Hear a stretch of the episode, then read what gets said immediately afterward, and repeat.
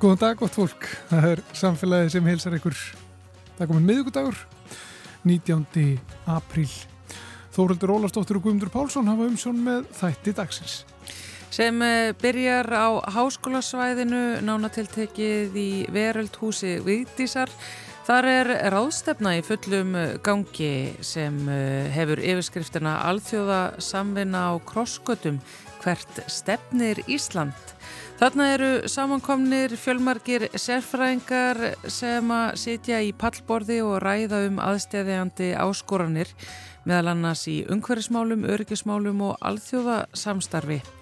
Við kýktum þarna á svæðið eh, nú rétt fyrir þátt og rákum eh, hljóðneimann undir nefið á velvöldum viðmælendum. Við heimsækjum Lúdeka-arkitekta og forvittnumst um verkefni sem þau hafa undarfærið unnið að og snýstum þróun á byggingarefni úr hampi. Anna Karlsdóttir, arkitekt, tekur á mót okkur í slökkvistöðinni í Guðunissi þar sem þau hafa aðstöðu og ætla meðal annars að sína það sem þau hafa verið að vinna af á Hönnunarmars sem hefst 3. mæ. Við fáum svo málfarsmínútu í dag og í lokþáttar kemur til okkar Edda Olgudóttir í vísendaspjallið hefðbundna eins og alla miðvíkudaga. Alltaf með eitthvað mjög aðteglisvert eh, í farteskinu hún Edda en við ætlum að byrja á ráðstöfnu um alþjóðasamvinnu.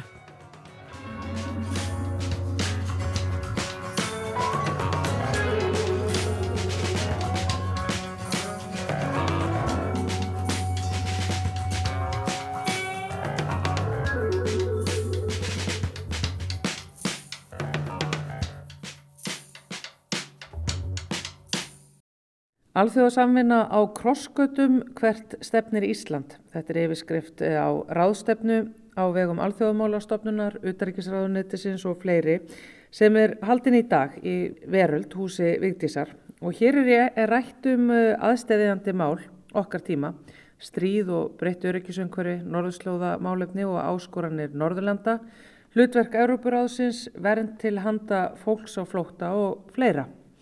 Málstöðunar í dag eru fimm, allt í allt. Eh, það eru sérfræðingar af öllum sviðum sem að er að koma hér saman á pallborði og fara yfir málinn.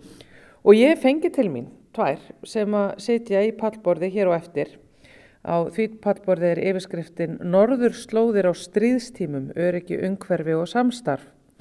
Og þetta eru annars vegar Áslögu Áskistóttir, professori stjórnmálafræði og Þórun Volfram, Frankvandastjóri Loftlagsráðs. Sælar bóða tvær. Svo sæl, lesuðu sæl, takk fyrir að hafa okkur. Mér langar kannski að byrja svolítið á þér Áslög. Þú ert á Íslandi núna sem fúlbreytt fræðimæður, svo kallaður. Eh, ert meðal annars sér fróð um, um fiskveðisamninga og samstarf þjóða og hafið og sem að tengjast nú þessu öllu saman, öryggi og, og, og samstarfi og, og umhverfi.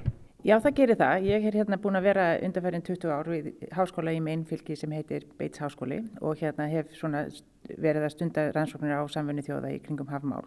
Og það sem, var, það sem ég finnst svona áhugaverðast við eins og loftlagsbreytingar og hafið er það að þær hafa náttúrulega mikil áhrif á hafsvæði. Bæði hafið er að hlýna og það er líka súrna. Og við erum svona smátt og smátt að sjá það bæði við Íslandsstrendur og annar starf í Norður Allandshafi og, eftir, og, og eigum eftir að sjá það til dæmis í Norður Íshafi að það eru fleiri og fleiri tegundir að færast norðar, bæði, bæði nýtja tegundir, ekki nýtja tegundir og hryggleysingjar. Og það er verið, það hefur verið byrt skýrslum það að það hefur verið, það er kannski búist við um 800 mismundi tegundir eftir að færast norður. Það er náttúrulega enda kannski ekki allt við Íslandstrendur en þetta hefur gríðarlega mikil áhrif á samfunnið þjóða í því að við þurfum að ákveða hvernig ætlum að skipta þessum stopnum ef við erum að veiður þeim, hver á að fá rétt í þá, við, hafréttasáttmálinn gerir ráð fyrir því að um leið og einhver fiskur er komin inn fyrir lögsögu að þá hefur þau rétti að veiður honum. En það eru kannski einhver aðri sem eru búin að vera að nota. Þannig að ég sé fram á það í framtíðinu til dæmis að það verði meiri deilur um skiptingu deilistofna og sem er kannski á það, ekki á það bætandi að því undanfæri eins og 15 ár hafa verið mikla deilur í norður í Allarsafi einmitt í þessum málaflokki. Ja. Þetta er náttúrulega rosalega skrítni tímar þá framöndan sem við erum þá eitthvað að undirbúa okkur fyrir eða hvað? Ég veit svo sem ekki kanns, kannski alveg hvernig undirbyggjurinn er í ráðunetunum en, hérna, en það, sem, það sem er ennþá alveg ljóst er það að við erum ennþá að semjum deilistofna á sama háttu við erum búin að vera að gera í 40 ár. Við semjum einn í einu, það skiptir okkur litlu máli hva, hvernig, þeir vinna, hvernig þeir hafa áhrif hvern annan, hvernig fæðu, þeir skiptast á fæðu, hver er að borða annan. það er svona aðeins kannski meira komið um, umræðuna en í samningavirðum þá er verið að semjum einn deilistofn í einu og hérna og mér, það sem mér finnst svona kannski ástæða til þess að fara að benda á að það er kannski komið tíma á það að þess að þjóði við Norður Allandshaf sem eru svona leiðandi í samvinnu, leiðandi í loftslagsmálum, leiðandi í því að reyna að kannski búa til betri heim, svo maður sé svona vongóður, að þær fari kannski líka að hugsa um það hvernig það getur verið leiðandi í því að semja um fiskistofna á þann hátt að hendi að fiskistofnarnir verði þarna áfram fyrir okkur til að geta borða úr þeim. Mm. Þessum að náttúrulega kannski færi mig svolítið yfir til ykkar þórun, ykkur í loftlasaráði er einmitt svona gert að anda ofin í hálsmálið á stjórnveldum kemur einmitt að þessu málum að hugsa um umhverfið bæði nú og til e, framtíðar. E, og af því að, veist, Ísland er hluti af norðurslóðum og, og fyrir eitthvað svona mikilvægur hluti og getur alveg ímsu sviðum verið leiðandi afl og kindilberi í þeim efnum. Hvað finnst ykkur í lofslagsráði kannski í að vera að gerast og kannski öllu heldur vera ekki að gerast þar? Já, þetta er stór spurning og ég verð nú reyndar að byrja á að segja ég get ekki tala fyrir lofslagsráð sem slíkt sem framkvæmdastjóri en ég get náttúrulega enduróma það sem að ráðið hefur sagt og svo náttúrulega tala líka bara sem einstaklingur sem hefur mikið áhuga á þessum málum. Og langar að fara hans tilbaka yfir það sem að Áslug var að segja að það er þetta þessi heildrana hugsun sem þarf að vera undirlikjandi í öllu sem við gerum sem tengist lofslagsmálum að því að lofslagsváin, við veitum náttúrulega að hverju við erum að glýma við lofslagsvá, það er að því að við erum búin að raska kerfi jarðar. Við erum búin að raska kólefnisringrásinni með því að taka of mikið af líframnum plöntulefum sem jörðin var búin að leggja til hlýðar, koma því aftur í umferð. Það, það er rask sem við þurfum að laga samhliða þessu raski þá verður svo mikið af öðru raski sem eru sko afleiðingar sem eru þá veðfarsbreytingar því það hlínar, það hlínar hafi, það súrnar, það hlínar í, í hérna andrúsloftinu þannig að úrkomu ákjæð og flóð og svo framvegs og svo framvegs, þetta er allt tengt. Þannig að þessi heildrana hugsun, ég kalla mjög eftir því, Lofslagsráð hefur kallað mjög eftir því líka og það er eitthvað sem ég held að við, ef við viljum hér á Íslandi, við getum mjög auðveldlega að teki þann kindil að því við erum lítill, það er stundum kostur, það er stundum galli, en í þessu samengi þá myndum við geta það. En við þurfum að gera samt miklu betur. Og mér langar bara að koma því að að því að í morgun var nú umhverfstofnun að byrta tölur sínar, sérstaklega um hérna landsbókaldið fyrir hérna lofslagsamningin og okkur gengur bara ekkert sérstaklega vel. Og ég veit ekki hvað að segja, þetta er svo kerfistlegt, við vitum hvað þarf að gera, við vitum hvernig við viljum gera það og hvernig við viljum tengja það saman, hvernig aðlöginni þarf að eiga sér stað innanlands og í sko norræna samhenginu, evróska samhenginu og alþjóðlega samhenginu af því það sem gerist einmitt eins og þú réttilega sagðir áslöf, fiskistofnar færast til, lofslagsvá er ekki staðbundin, hún er glóbal, alveg eins og fiskistofnar fara ekki bara í kringum Ísland af því það er svo gott að vera hér. Það, það er þessi tenging sem ég myndi vilja sjá miklu sterkari og ég bara hvet okkur bara, okkur hér, okkur þrjár og alla hinnar og alla hinna til að taka þann flöt og halda þessu áfram vakandi og næsta skýrsla má ekki vera svona sem Ísland gefur út varðandi stöðumála í, í hérna lósun. Þórum þú náttúrulega kemur hérna inn á þessi mál sem að og sem einhverjum getur kallað frasa í kringum þetta heildran hugsun og hugsa fram að við og En það er samt náttúrulega svolítið það sem er verið að kalla eftir og eins og þú áslug hérna ert að benda á að við erum að veiða eitthvað núna en við þurfum að sjá hvernig við ætlum að veiða eitthvað hérna, til framtíðar. Og þess vegna finnst mér þetta alltaf svona forveitnilegt að vera fyrir þig að vera íslensku fræðumæður erlendis um, og það gefur þið mæntilega svona ákveðina sín á okkur Íslandinga og af því að það er eitthvað svona kannski glegra heldur en gests auga þá er það vantarlega auga Íslandings í útlöndum. Þannig að sko þegar kemur á þessu viðhorfi Íslandinga þetta reddast sem er vandamál af því að við getum ekki tilengu okkur þess að heildar sín og framtíðar sín eh, og stóra yfirskrift þessa málþings er hvert stefnu við?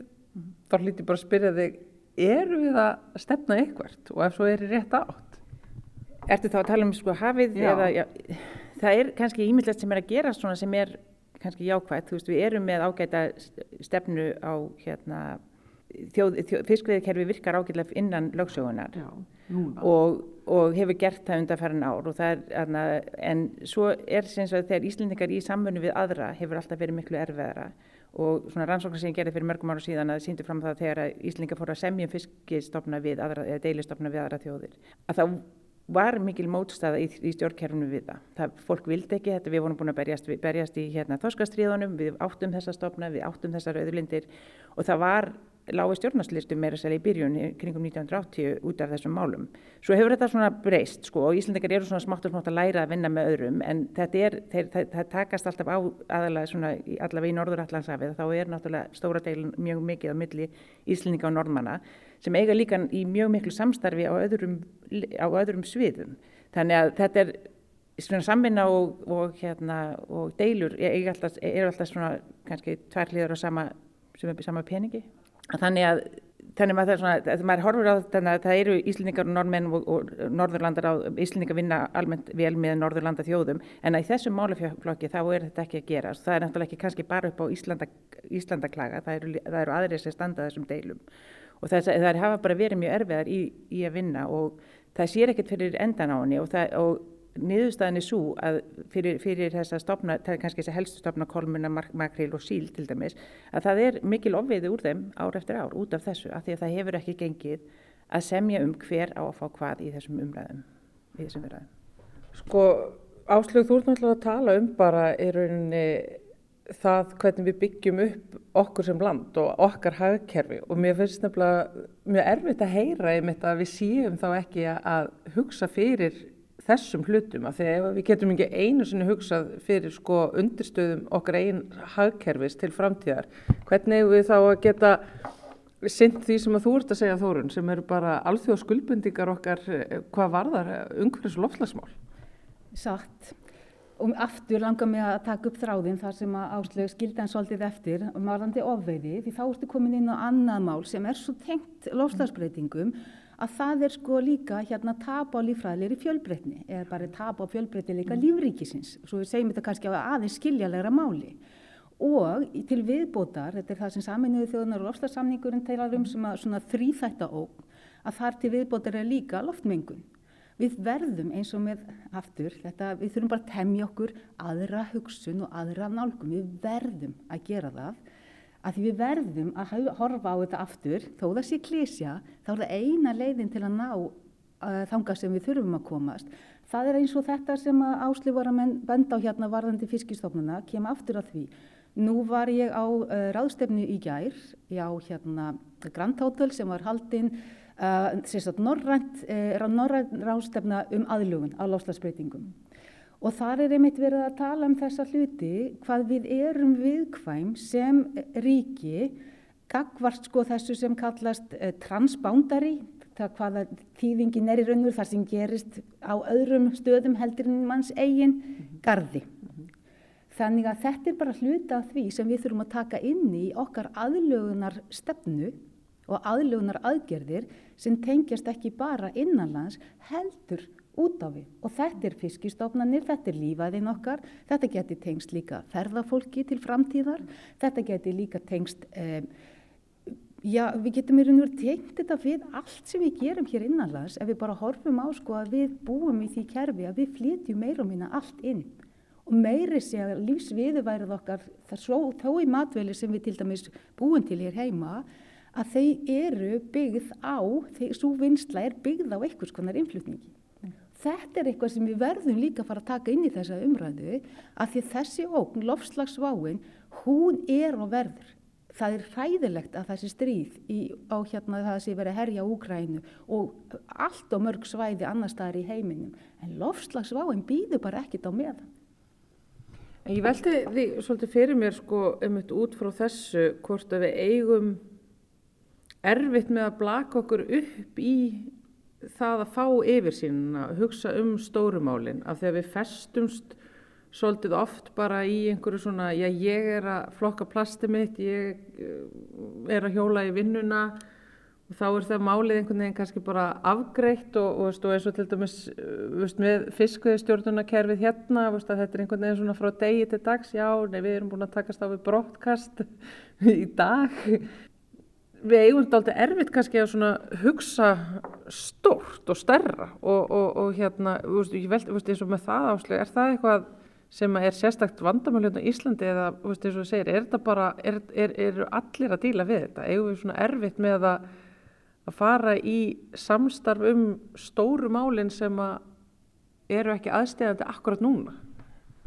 Þetta er ekkert sér íslenskt fyrirbæri held ég. Það eru allir, eiga allir erfitt með að horfa á heildina og, það, og, fólki, er, og fólki og löndu, eins og löndum er mjög gæmt að hugsa um hvernig hefur þetta áhrif á mig. Já, já, já. Og það er það sem skiptir langmestu máli og eins og Þórum kom inn á líka, þetta er, það er svona heildræn hugsun, hún þýðir það að það kannski þarf að skipta hlutunum einhvern veginn öðruvísi og það er bara mjög erfitt og það er erfitt á, bæði á einstaklisvísu, á svona samfélagsvísu og líka á þjóðavísu.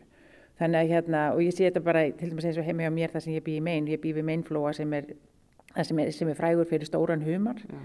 og það, það er, vísindamenn þar segja gætna að þetta er, þetta er hafsvæði heiminum sem að hérna er að hlýna sem mest.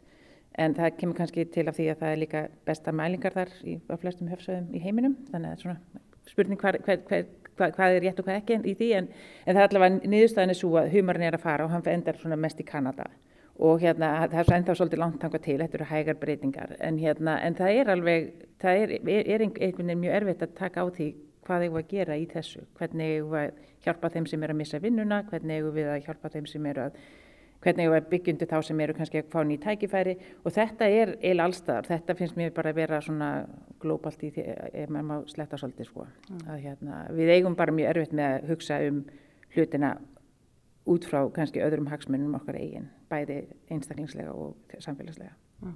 Eins og eitthvað svona fyrirbæri apparat eins og loftlagsráð sem að veist, almenningur kannski átt að segja ekkert á því hvað er að gera og hvers vegna og, og hvernig það tengist okkur. Eru þið, e, e hvort eru þið að tegja ykkur upp til stjórnvalda, ég sagði einmitt að það var andofin í hálsmjöla stjórnmálum eða eru þið að reyna að tala beint við almenning, hvort, hvort er líklega til þess að hafa áhrif? Ég vonandi bæði. Lofslagsráð verður náttúrulega til formlega 2019. Þannig að fyrsta ráðið er að við það ljúka skipinatíma núna bara í haust. Og eins og ég sagði, ég kom náttúrulega bara inn núna í byrjun ársins og er svona að kynna mér og ná svona fótum í, í nýri stöðu frangandastjóra. Og hafandi farið yfir alltaf efni sem ráði hefur gefið út nú þegar, það gríðarlega mikið af flottu efni, mikið af góðum grunnupplýsingum og mikið af efni sem hefur nýst stjórnvöldum til þess að halda áfram að, að skerpa og ytta hvað höfum við, hvað vantar upp á til að byggja þetta heildarsýn.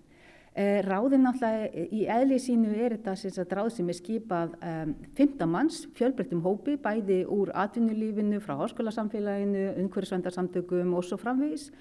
Þannig að þetta er mjög fjölbreyttu vettfangur og, og mjög áhugaverður Um, segja, áhugaverðar umræður og, og mjög flottar niðurstöður með við það líka að við erum ekki bara með sérfræðingaráð sem getur tala bara um hérna hlutinnar eins og þeir eru inn í sérfræði kassanum fattiði, það heldur tengist þetta líka út í ég vil nú ekki segja raunveruleikan, það er ekki, það er ekki rétt að segja það, ég veit skiljið samt hvað ég á við, það er nú það sem er svo gerast líka í samfélaginu uh, Ég held að lofslagsráð þurfi fyrst og síðast, nú er ég náttúrulega bara að tala út frá mínu tilfinningu, að vera eins og því er ætla samkvæmt lögum, að vera til ráðgjafar og aðhalds við stjórnvöld. Að það þarf að koma á hlutum að framfæri við stjórnvöld til þess að halda þeim svolítið vel að efninu, af því að sagt, eh, lagarammin og reglugerðinar og svo framkvæmdinar í gegnum ráðuneytin, línunar verða að vera þar. Þar verða að vera mjög velst tengdar við sveitarfélögin líka að því við verðum að bara, þetta er svona ef við tökum sjómannamálið að þetta bara allar hendur upp á dekk. Núna, ekki til þess að fara hérna með rauðaflækið alveg í, í æsingi heldur bara, nú verðum við að stilla okkur saman. Það eru 7 árið 2030, það eru 17 árið 2040 þegar við ætlum að vera kólefnins hlutlaus mm. og bara aftur, jákvæð, uppbyggjandi en verulega með það á hreinu að við erum ekkit á sérstaklega góðum stað miða við það sem við hættum okkur. Ég ætla að fara að slepp ykkur þið eru á leiðinni inn í ykkar uh, hluta þessarar málstofu um uh, alþjóðsaminu og krossgötum hvert uh, Ísland stefnir. Um, það er ykkar að sitja í, í pallborði um norðurslóður og stríðstímum þar sem það verður talað um öryggi, umhverju og samstarf. Gangi ykkur vel með það og, og, og bara í dag. Þessi rástefna er á vegum alþjóðastofnunar og, og utarrikisraðunættisins og fleiri og er í gangi hér í veröld húsi Vigdísar. Takk fyrir spjallið Þórun Volfram, Frankvæntastjóri Loftlagsráðs og Áslögu Áskistóttir, professor í stjórnmálafræði. Takk, takk að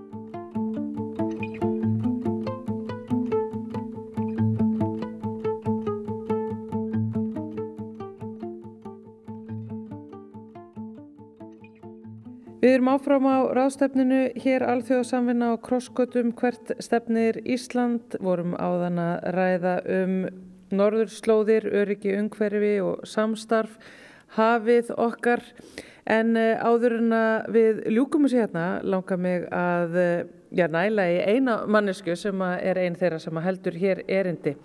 Eh, það er Guðfröður Lilja Gretastóttir sem er yfirmaður samfunnuverkarna hjá Evroparáðinu. Sælverstu Guðfröður Lilja. Heil og sæl. Hvað gerir Evrópuráðið?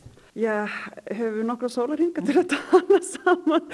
Evrópuráðið gerir mjög margt og mikið. Í örstuttu máli er þetta náttúrulega uh, einn elsta, stærsta og uh, merkasta uh, mannréttundastofnun Evrópu sem hefur þau grinngildi að starfa að ekki bara mannréttundum heldur líka líðræði og réttar ríkinu og þaðan kemur náttúrulega mannréttenda sáttmáli Evrópu og svo mannréttenda domstóli Evrópu þar sem að hverju einasti einstaklingur í öllum aðeldaríkunum 46 eh, það eru bæði 27 aðeldaríku í Evrópu sambandsins og svo 19 til viðbútar annar staðar álfunni.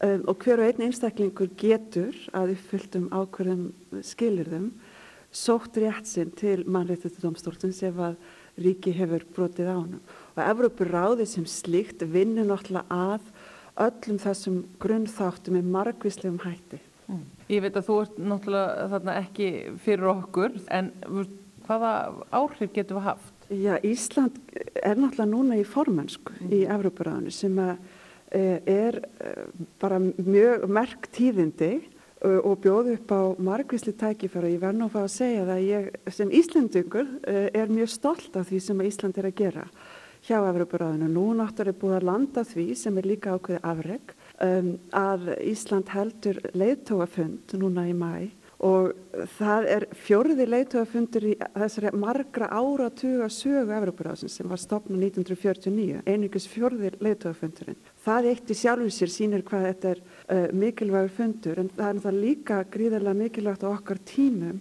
sem við núna horfum fram á í Evrópu þegar að geysar hræðilegt stríð og herðir að og, og, og þjarmar er að mannréttundum líðræði og réttaríkinu á mjög mörgum vikstöðum þá er þetta gríðarlega mm, gleðilegt vil ég segja að Ísland sé með svona leikil hlutverk á þessum tími og uh, geti bóðið öllum, bókstaflega nær öllum uh, leiðtóum alfunar okkar og Evropa sambandsins líka til þess að fundar, til þess að marka framtíðina ekki bara sjálfsögðu Úgrænu, stríði Úgrænu hvernig þar verður að fara fram veginn í átta réttlæti og friði heldur einni stór mál eins og vonandi umhverfismál og mannréttindi uh, líðræðismálin sem eru markþægt og, og þjár maður aðeins og ég sagði á þann og svo vonandi líka áframhaldandi uh, digg varðstaða um þetta mannréttinda líðræðis og réttaríkis kerfi sem upp hefur verið byggt og byggðist upp eftir lok setni heimstjárhjaldarinnar til þess einmitt að reyna að tryggja að slíkar hörmungar myndi ekki koma fyrir okkur aftur. Og einmitt uh, því tengti yfirskrift þessar ástöfnu er hvert stefnir Ísland. Hvert eru við að stefnaði? Já, það var náttúrulega allir aðrir að svara því en ég, en eitt veit ég og það er það að Ísland er að gera góða hluti eh, hjá Evrópuráðinu. Það er að stýra margvíslegum úrbóta málum, hvort sem er á sviði batna og ungmenna, eh, margháttuðum líðriðismálum og, og, og öðru sem að því lítur.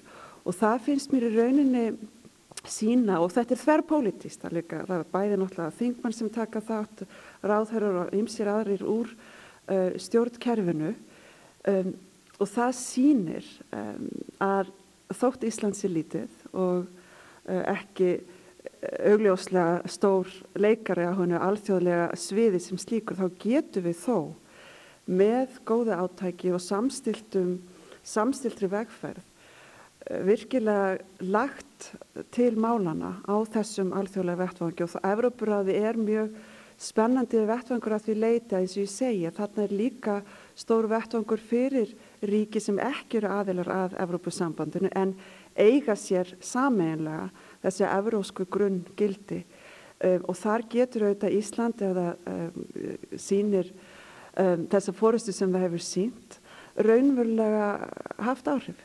Guðfyrir Lilja Gretarstóttir, yfirmaður samfunnaverkarna hjá Európaróði, gaman að geta aðeins hérna, stóliðir hérna af uh, þessari ráðstöfnu hér í veröld húsi Vigdísar. Ég ætla bara að leifa þér aftur að fara inn til fólksins og, og, og rína og ræða öll þessi mál. Takk fyrir spjalli. Takk alveg sömulegis, gaman að heita þér. Georgia Georgia The whole day through Just an old sweet song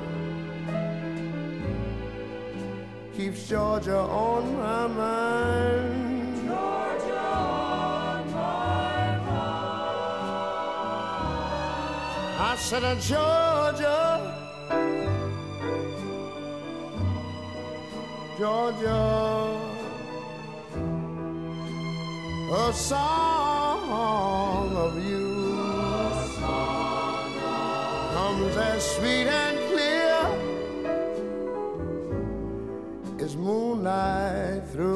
pines.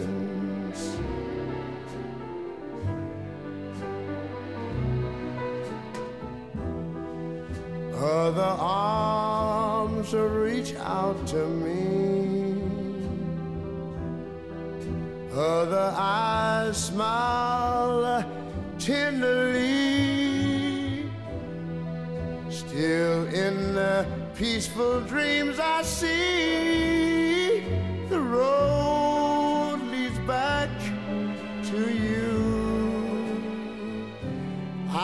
Said, Georgia, oh, Georgia, no peace I find.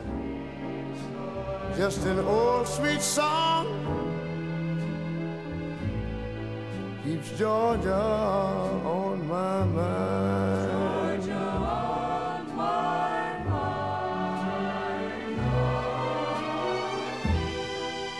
Other arms reach out to me.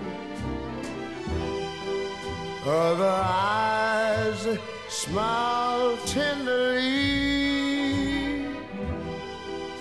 Still in peaceful dreams I see the road leads back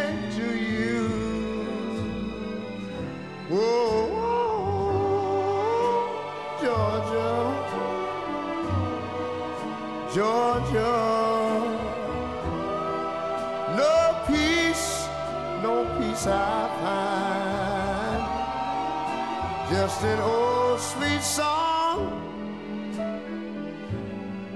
keeps Georgia on my mind. Georgia I said just an old sweet song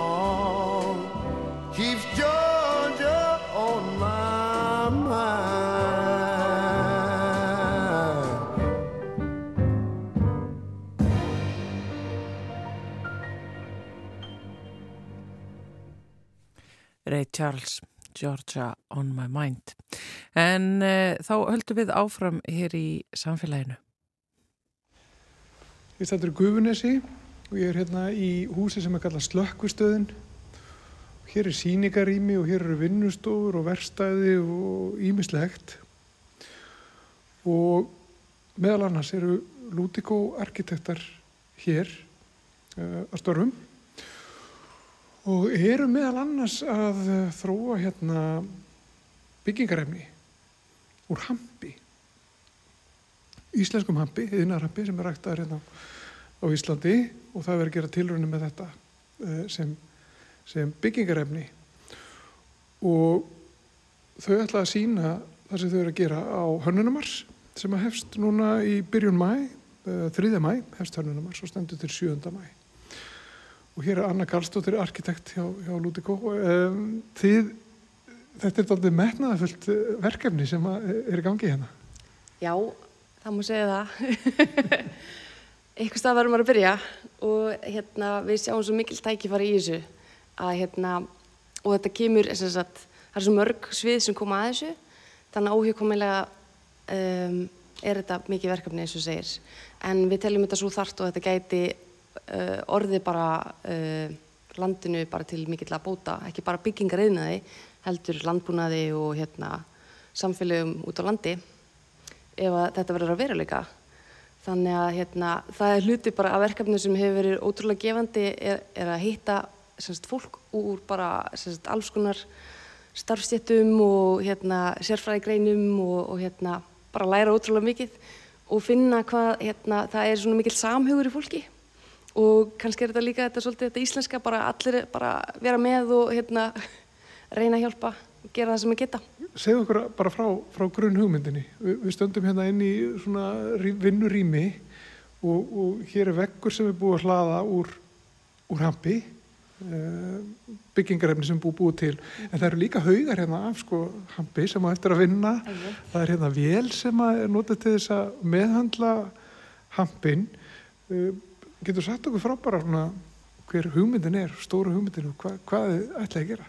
Já, nú þegar það er hægt að rekta hamp á Íslandi þá sjáum við mikla framtíð í e, eh, nótkunnan sem til dæmis byggingaröfni um, og það er það sem við erum að skoða er uh, hvað við fáum mikið af uh, plöntunni af einum hektar á landi sem við rektuðum sísta sumar. Og það er það sem við erum að gera núna að vinna úr því og þetta er náttúrulega allt bara með handabli af því það er ekki til e, en þá vinslustöðunar sem að þarf til þess að vinna úr hampnum. Um, þannig að þetta er allt bara svona í litlum skala. En þetta e, er í rauninni ekkert endilega kannski bara byggingaverkefni heldur líka mikið rannsóknarverkefni og þróunaverkefni til þess að sína fram á að þetta sé raunhæft hér á landi. Það er komið reynsla á þessu, mikil reynsla í Evrópu og annars það er heiminum en við veitum náttúrulega að veðfari hérna er uh, aðeins öðruvísi. Um, þannig að þess vegna ætlum við að smíða þetta tilröðnahús úr íslenska hampnum sem uh, var ektaður hér og í sumar. Og þess vegna erum við bara uh, að steipa í veggin hérna til þess að læra betur inn á aðferðina og inn á bara efni sjálft um, til undirbúnings. Já. og líka þá til þess að hérna, geta sínt efnið núna á hönnunum að til þess að kynna fyrir öllum. Og hva, hvernig þarf að meðhandla hampin svo það sé hægt að búa til úr húnum, já veggi til dæmis? Já, það er fyrst og fremst uh, að því við fáum stönglana og það þarf að aðskila trefjarnar frá tríninu sem er innan í stönglunum og þar og eftir þurfum við að brjóta trénið inn í minni bytta, svona 10-25 mm lengt og til þess að sé hægt í e, hamsteipu blönduna. Og þegar það er komið þá þurfum við bara að bæta við e, kallt blöndu og vatni í réttum luftfullum. Og það er bara allt og sumt ekki nokkar Við sjáum hérna, sko það er hérna veggur hérna sem, og þetta, ég meina þetta er bara hart. Já, já. og en samt einhvern veginn það er nú hægt svona aðeins að, að kroppi þetta. Mm -hmm. um, hverjir eru svona kostinnir sko við við þetta efni hvað hefur þetta efni umfram önnur byggingarefni? Já, fyrst og fremst er að hann bindur úrslega mikið kólöfni. Eh, plantan sjálf þegar hún vex bindur kólöfni mjög, eh, semst, mjög, í mjög meiri, mæli en eh, tríja, því hún er svo hraðvaksandi. Um, svo þetta er orðið að byggingarefni komið í semst, veggin hérna og þetta er að stengirast sem tekur smá tíma og harna, þá heldur hún áfram að binda kólöfni Þannig að þetta er rauninni kólöfnis negatíft byggingarefni og sem er náttúrulega eitt og sér frábært. Þetta e, brennur ekki, þetta e, miklar ekki þetta er mjög einograndi og, og, og e, að þetta er náttúrulegt byggingarefni þá semst, heldur það í sér hýta. Þetta er svona thermal mass. Þannig að þó að þessi heitt úti og, eða kallt úti þá er hýtastíð inni helst jæmt. Og var sama við um rakastíð að því að þetta er gufu gegn efni að þá helst rakastíð líka jæmt. Þannig að þetta er svona mjög heilnæmt byggingarefni þannig að húsið í rauninni andar og það er ég minna þú veist það bara eins og húðun okkar. Þannig að viljum við ekki líka búa í húsi sem er svolítið eins og bara líkamann okkar haga sér á svipaðum máta. Þetta er ekki sagt, eins og steipa, þótt þetta heitir steipa. Þetta er ekki berandi efni, þetta þarf alltaf burðagrind. Þannig að það er sjálfberandi en það er þetta semst bara að nota þá timbugrind eða stál eða jafnvel bara steipusúlur. E, þannig að í rauninni er þetta ekkit, semst byggingaraðferðin sjálf er ekkit það ný. En það er bara að, að læra inn á semst eiginleika efnisins að maður sé ekki að loka þetta inn eins og við erum að gera við útviki dagsins dag. Já hversu mikið mál er að, að, að vinna þetta hér sko við þessar aðstæður þetta er, þetta er þannig þið eru bara svolítið svona með hendurnar í þessu jú, jú. Og, og að gera þetta sjálf þið ætlaði að byggja hérna lítið hús til þess að að rannsaka betur Já. Eh, hvernig hvernig svona hvaða aðstæður þurfa að vera og hvernig, hvernig efni bregst við og, og þess að þar en er þetta, þetta er, lítur á svolítið mikil hunna Jú, vissilega. Þetta verður svona svolítið áhuga mál sko. Var að gera þetta eftir vinnu og í vinnunni og en hérna, en þetta er líka bara svo skemmtilegt. Um, þú veist, maður er að kynna svo mikið af nýju fólki og bara finna sagt, áhugan og hvað fólk er spennt fyrir þessu af því að þetta er náttúrulega ótrúlega spennandi uh, möguleiki en þetta er vissulega mikil vinna en til þess að þetta geta orðið að veruleika þá er bara nöðsynlegt að standa í því til þess að átta sér betur á því hvað er það sem þarf til þess að geta farið á næsta skrif. Já.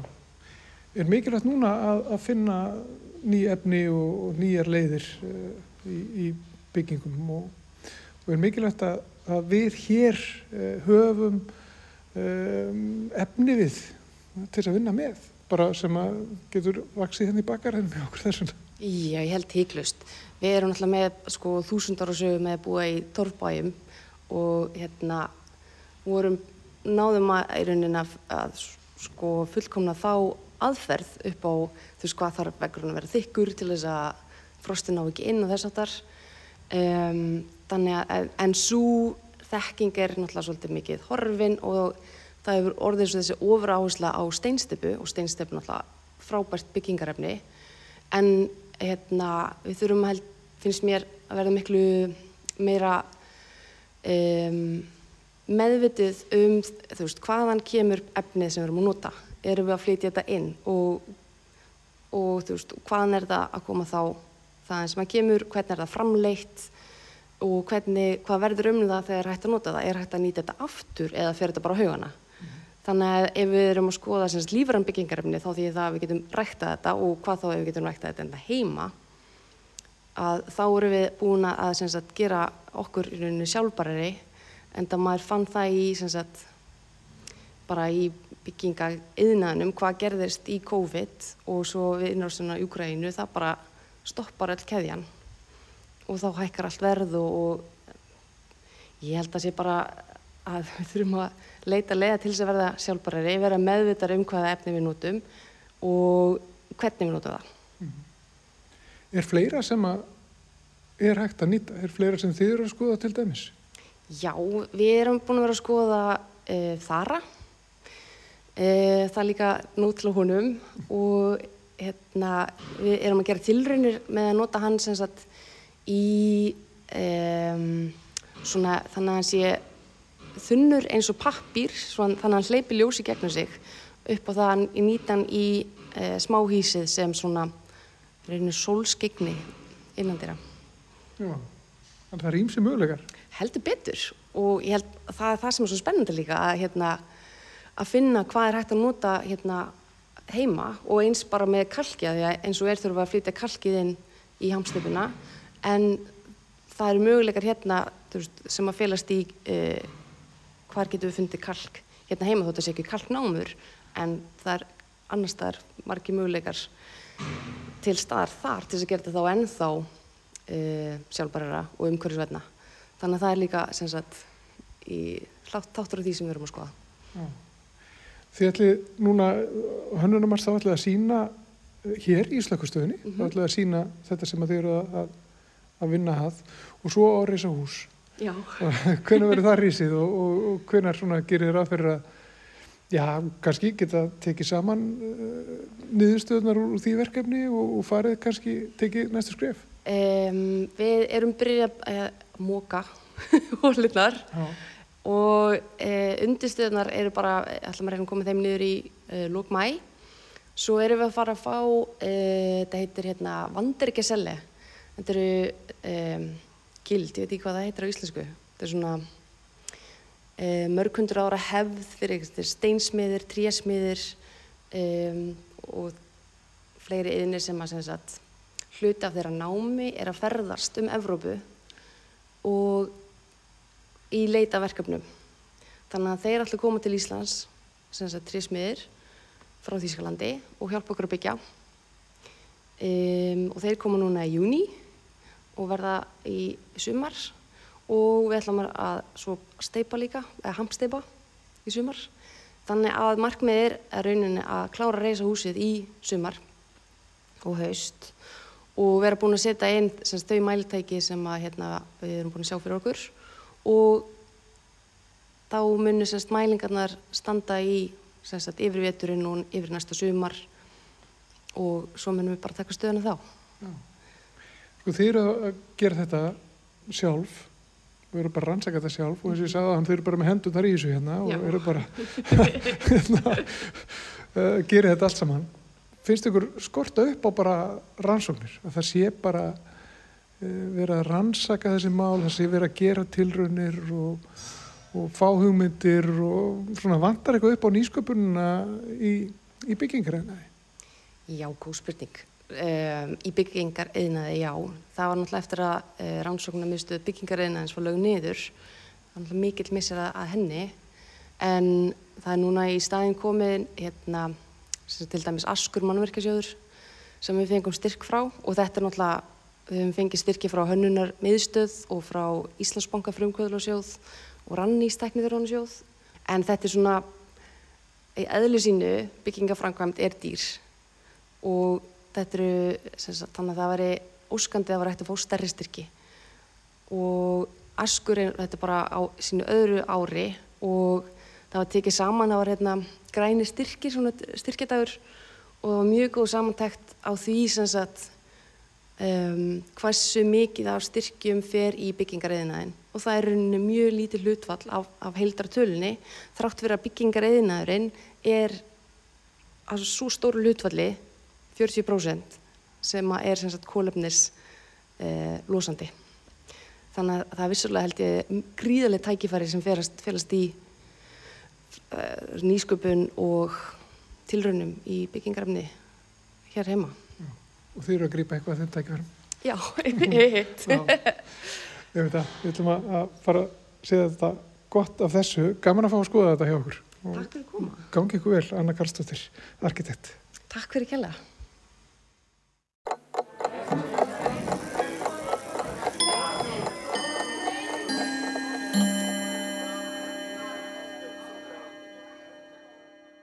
Skammel er lágt sæti sem kallast einnig á íslensku skemill. Þetta er eitt af þeim nöfnum á húsgögnum sem við höfum þegið úr dönsku. Í orðabók Sigfúsar Blöndals er sett við að spurningamerki sem þýðir að það þykir kannski ekki sérlega vandað mál þessi dönsku sletta. Sú skýring íslenskrar orðabókar að skammel sé lágt sæti er kannski heldur ónákvæm. Blöndals orðabók segir að skammel sé haft undir fótum þegar setið er í stól. Engverja hluta vegna hefur karltjinsorðið skemill þótt vandaðra en skammel. Það er líka tökvorð, úr þýsku, skemel. Kanski er það vegna þess að endingin er íslenskulegri, minnir að viðsketið ill eins og í vindill, hemill, skevill. Samkvæmt hefð enda íslensk orð ekki á el, svo það er miklu meiri töku keimur af skammel en skemill.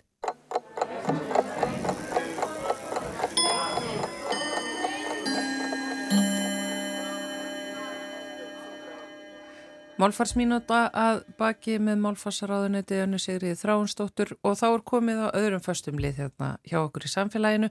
Það er vísindarspjallið með ettu okkar Olgudóttur. Sælvertu þetta? Sælverið. Það er eh, sjónin eða öllu heldur ekki sjónin sem að þú ert að segja okkur frá í dag. Já, eða kannski, hérna, kannski ný sjón. Eh, Já. Mætti alveg segja það. Já. Eh, ég ætlaði að tala um hérna, stopnfrumi meðferð gegn blindu sem er svona mjög nýjan nálinu og við erum, ég veit þú ert að fara að spyrja um tímalínuna og þessu hérna í lok þáttar en það er langt þanga til við komumst þanga en við erum reyndar samt svona að stíga fyrstu skrefin en það er semst þannig aftast í augunum okkar er himna sem að kallast sjóna eða retína og þar eru hérna frumur sem að skinja það eru hérna skinja sko ljós og liti og það er það sem við notum til þess að að sjá því það er svo tólkað yfir í sjóntögin og yfir í heila og þannig að við vitum hvaða er sem fyrir augu ber.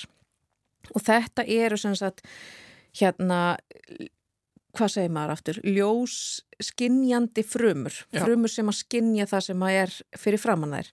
Og þegar þessar frumur deyja að þá hérna, eins og gerir stundum bara í sjúkdómum eða við eitthvað skonar skemmt, fyrir, hérna, auga verður fyrir högg ekki eða einhver aðskotarhlutur kemur í augað eða eitthvað slíkt að þá hérna deyja þessar frumur eða skemmast og þær get ekki endun í þessi vegna þess að augað er ekkert mjög ríkt af vefja sérhæðum stopnfrumum og við höfum stundum talað um þessar vefja sérhæðu stopnfrumur sem eru til staðar í flestum vefjum og sjá til þess að líffærin okkar geti endun í þessi og starfað þrátt fyrir að við séum að eldast og þá er að líffærin sé að eldast og þá er samt ákveðin svona endur nýjan í gangi. En það er bara eitthvað svo sérhæft í gangi í auganu og það endur nýja sig ekki svo glatt. Nei og ykkur hluta vegna glimtist bara í hönnuninni á þessu stykki að setja þarna vefja sérhæða stoppfrömmur sem er leðilegt og hérna þannig að þær deyja og þá endur nýjast þær ekki.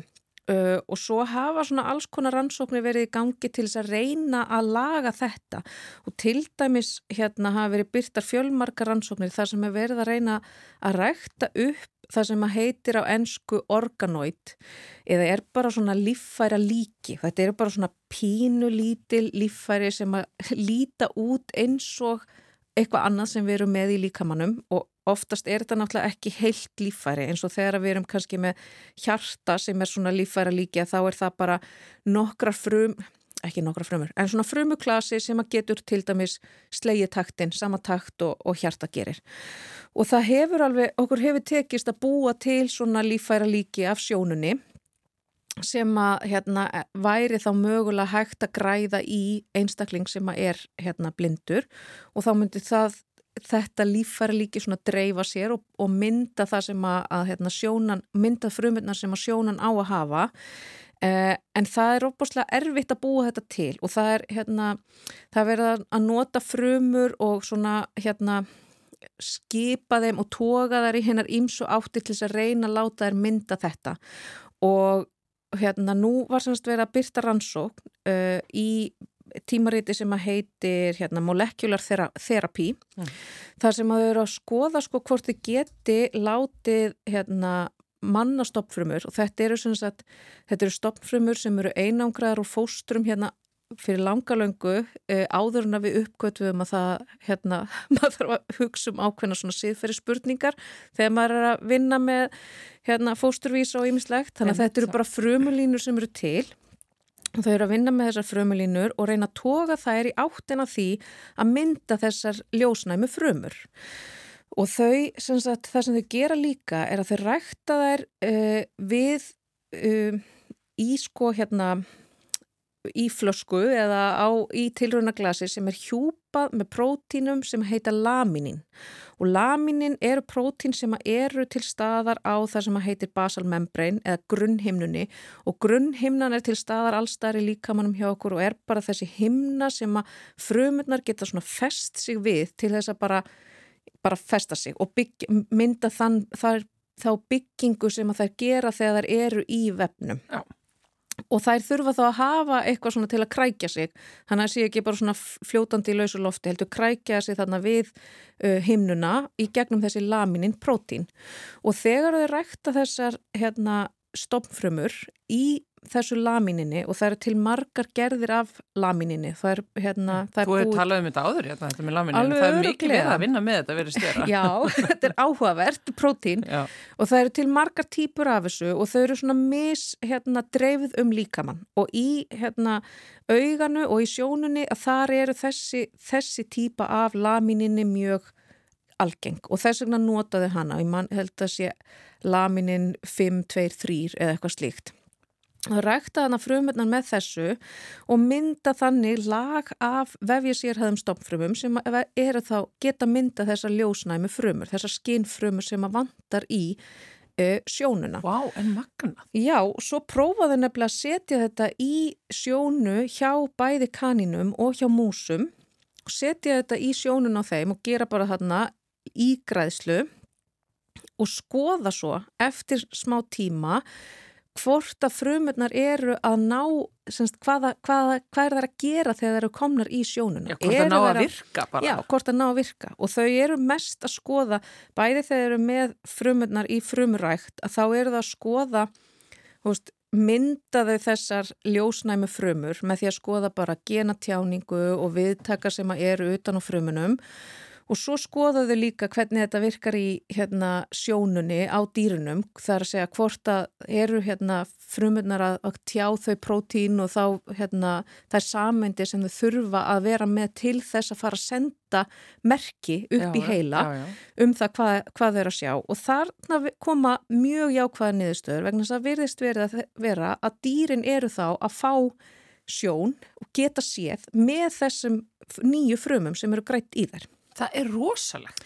Þannig að þetta er, já, þetta er rosa áhugavert vegna þess að mögulega gætu við þá notað þenn, þetta sko þennan prótokóli eða þessa aðferð til þess að rækta upp vefja sér haða stopnfrumur sem að færu þá í einstakling sem að hefur orðið fyrir skada á sjón eða er mögulega fæðist blindur. Það náttúrulega fer svo litið eftir því hvað vefurinn hérna býður upp á, Já, já. vefurinn sem verður eftir og þá væntanlega myndum við reyna að gera það þannig að við værum með sko hérna stopnfrumur úr þeim einstakling sem að á að fá í græsluna þannig að þá er, þá erum við búin að taka út þarna eitt pínu lítið flækjastig Já, af eitt, já, öllu þessu sko En rosalega eru samt stoppfrumu uh, rannsóknir að, að gefa marga möguleika. Veist, eins og til dæmis þetta. Það er einhvern veginn, stoppfrumu rannsóknir er bara, það er verið að fleia þau bara í allar áttir og það er svona, gefur von. Já, af því við erum líka sko núna uppkvöta svolítið bara og svolítið grimt hvernig við getum látið þær þróast, hvað Mm. getum við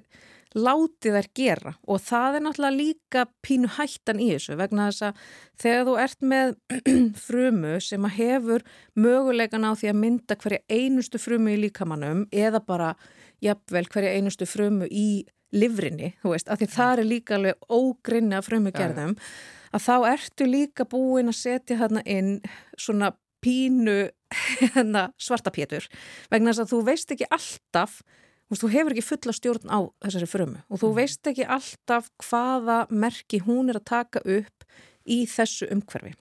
Þannig að við þurfum alltaf að stíga mjög varlega til jarðar.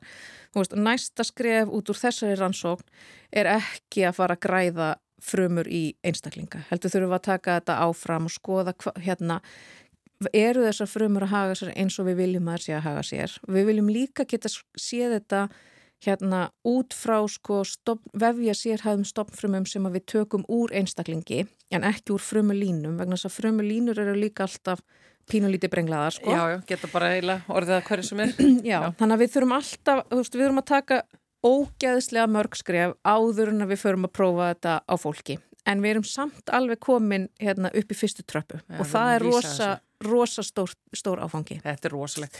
Mjög spennandi og ég finn náttúrulega alltaf að hugsa um þetta á einhverju svona vítsenda skáldsögu hérna skrefum næst sko bara hvað ef að það er hægt að græða þá sjónfrumur sem eru kannski með eigileika sem að flugur hafa í augunum Já. sínum að maður getur bara svona framtíði bara láta græða í sig svona flugnasjón Já. getur fengið einhverja svona dýft eða skinnið einhverja liti eða eitthvað ég veist, úr þessu eru bíómyndirnar og vísendaskálsöðunar. Við erum að komast ótrúlega nálagt því sko. Ég, ég, Stundum menn, þegar maður er að lesa. það, fyrsta. Einmitt.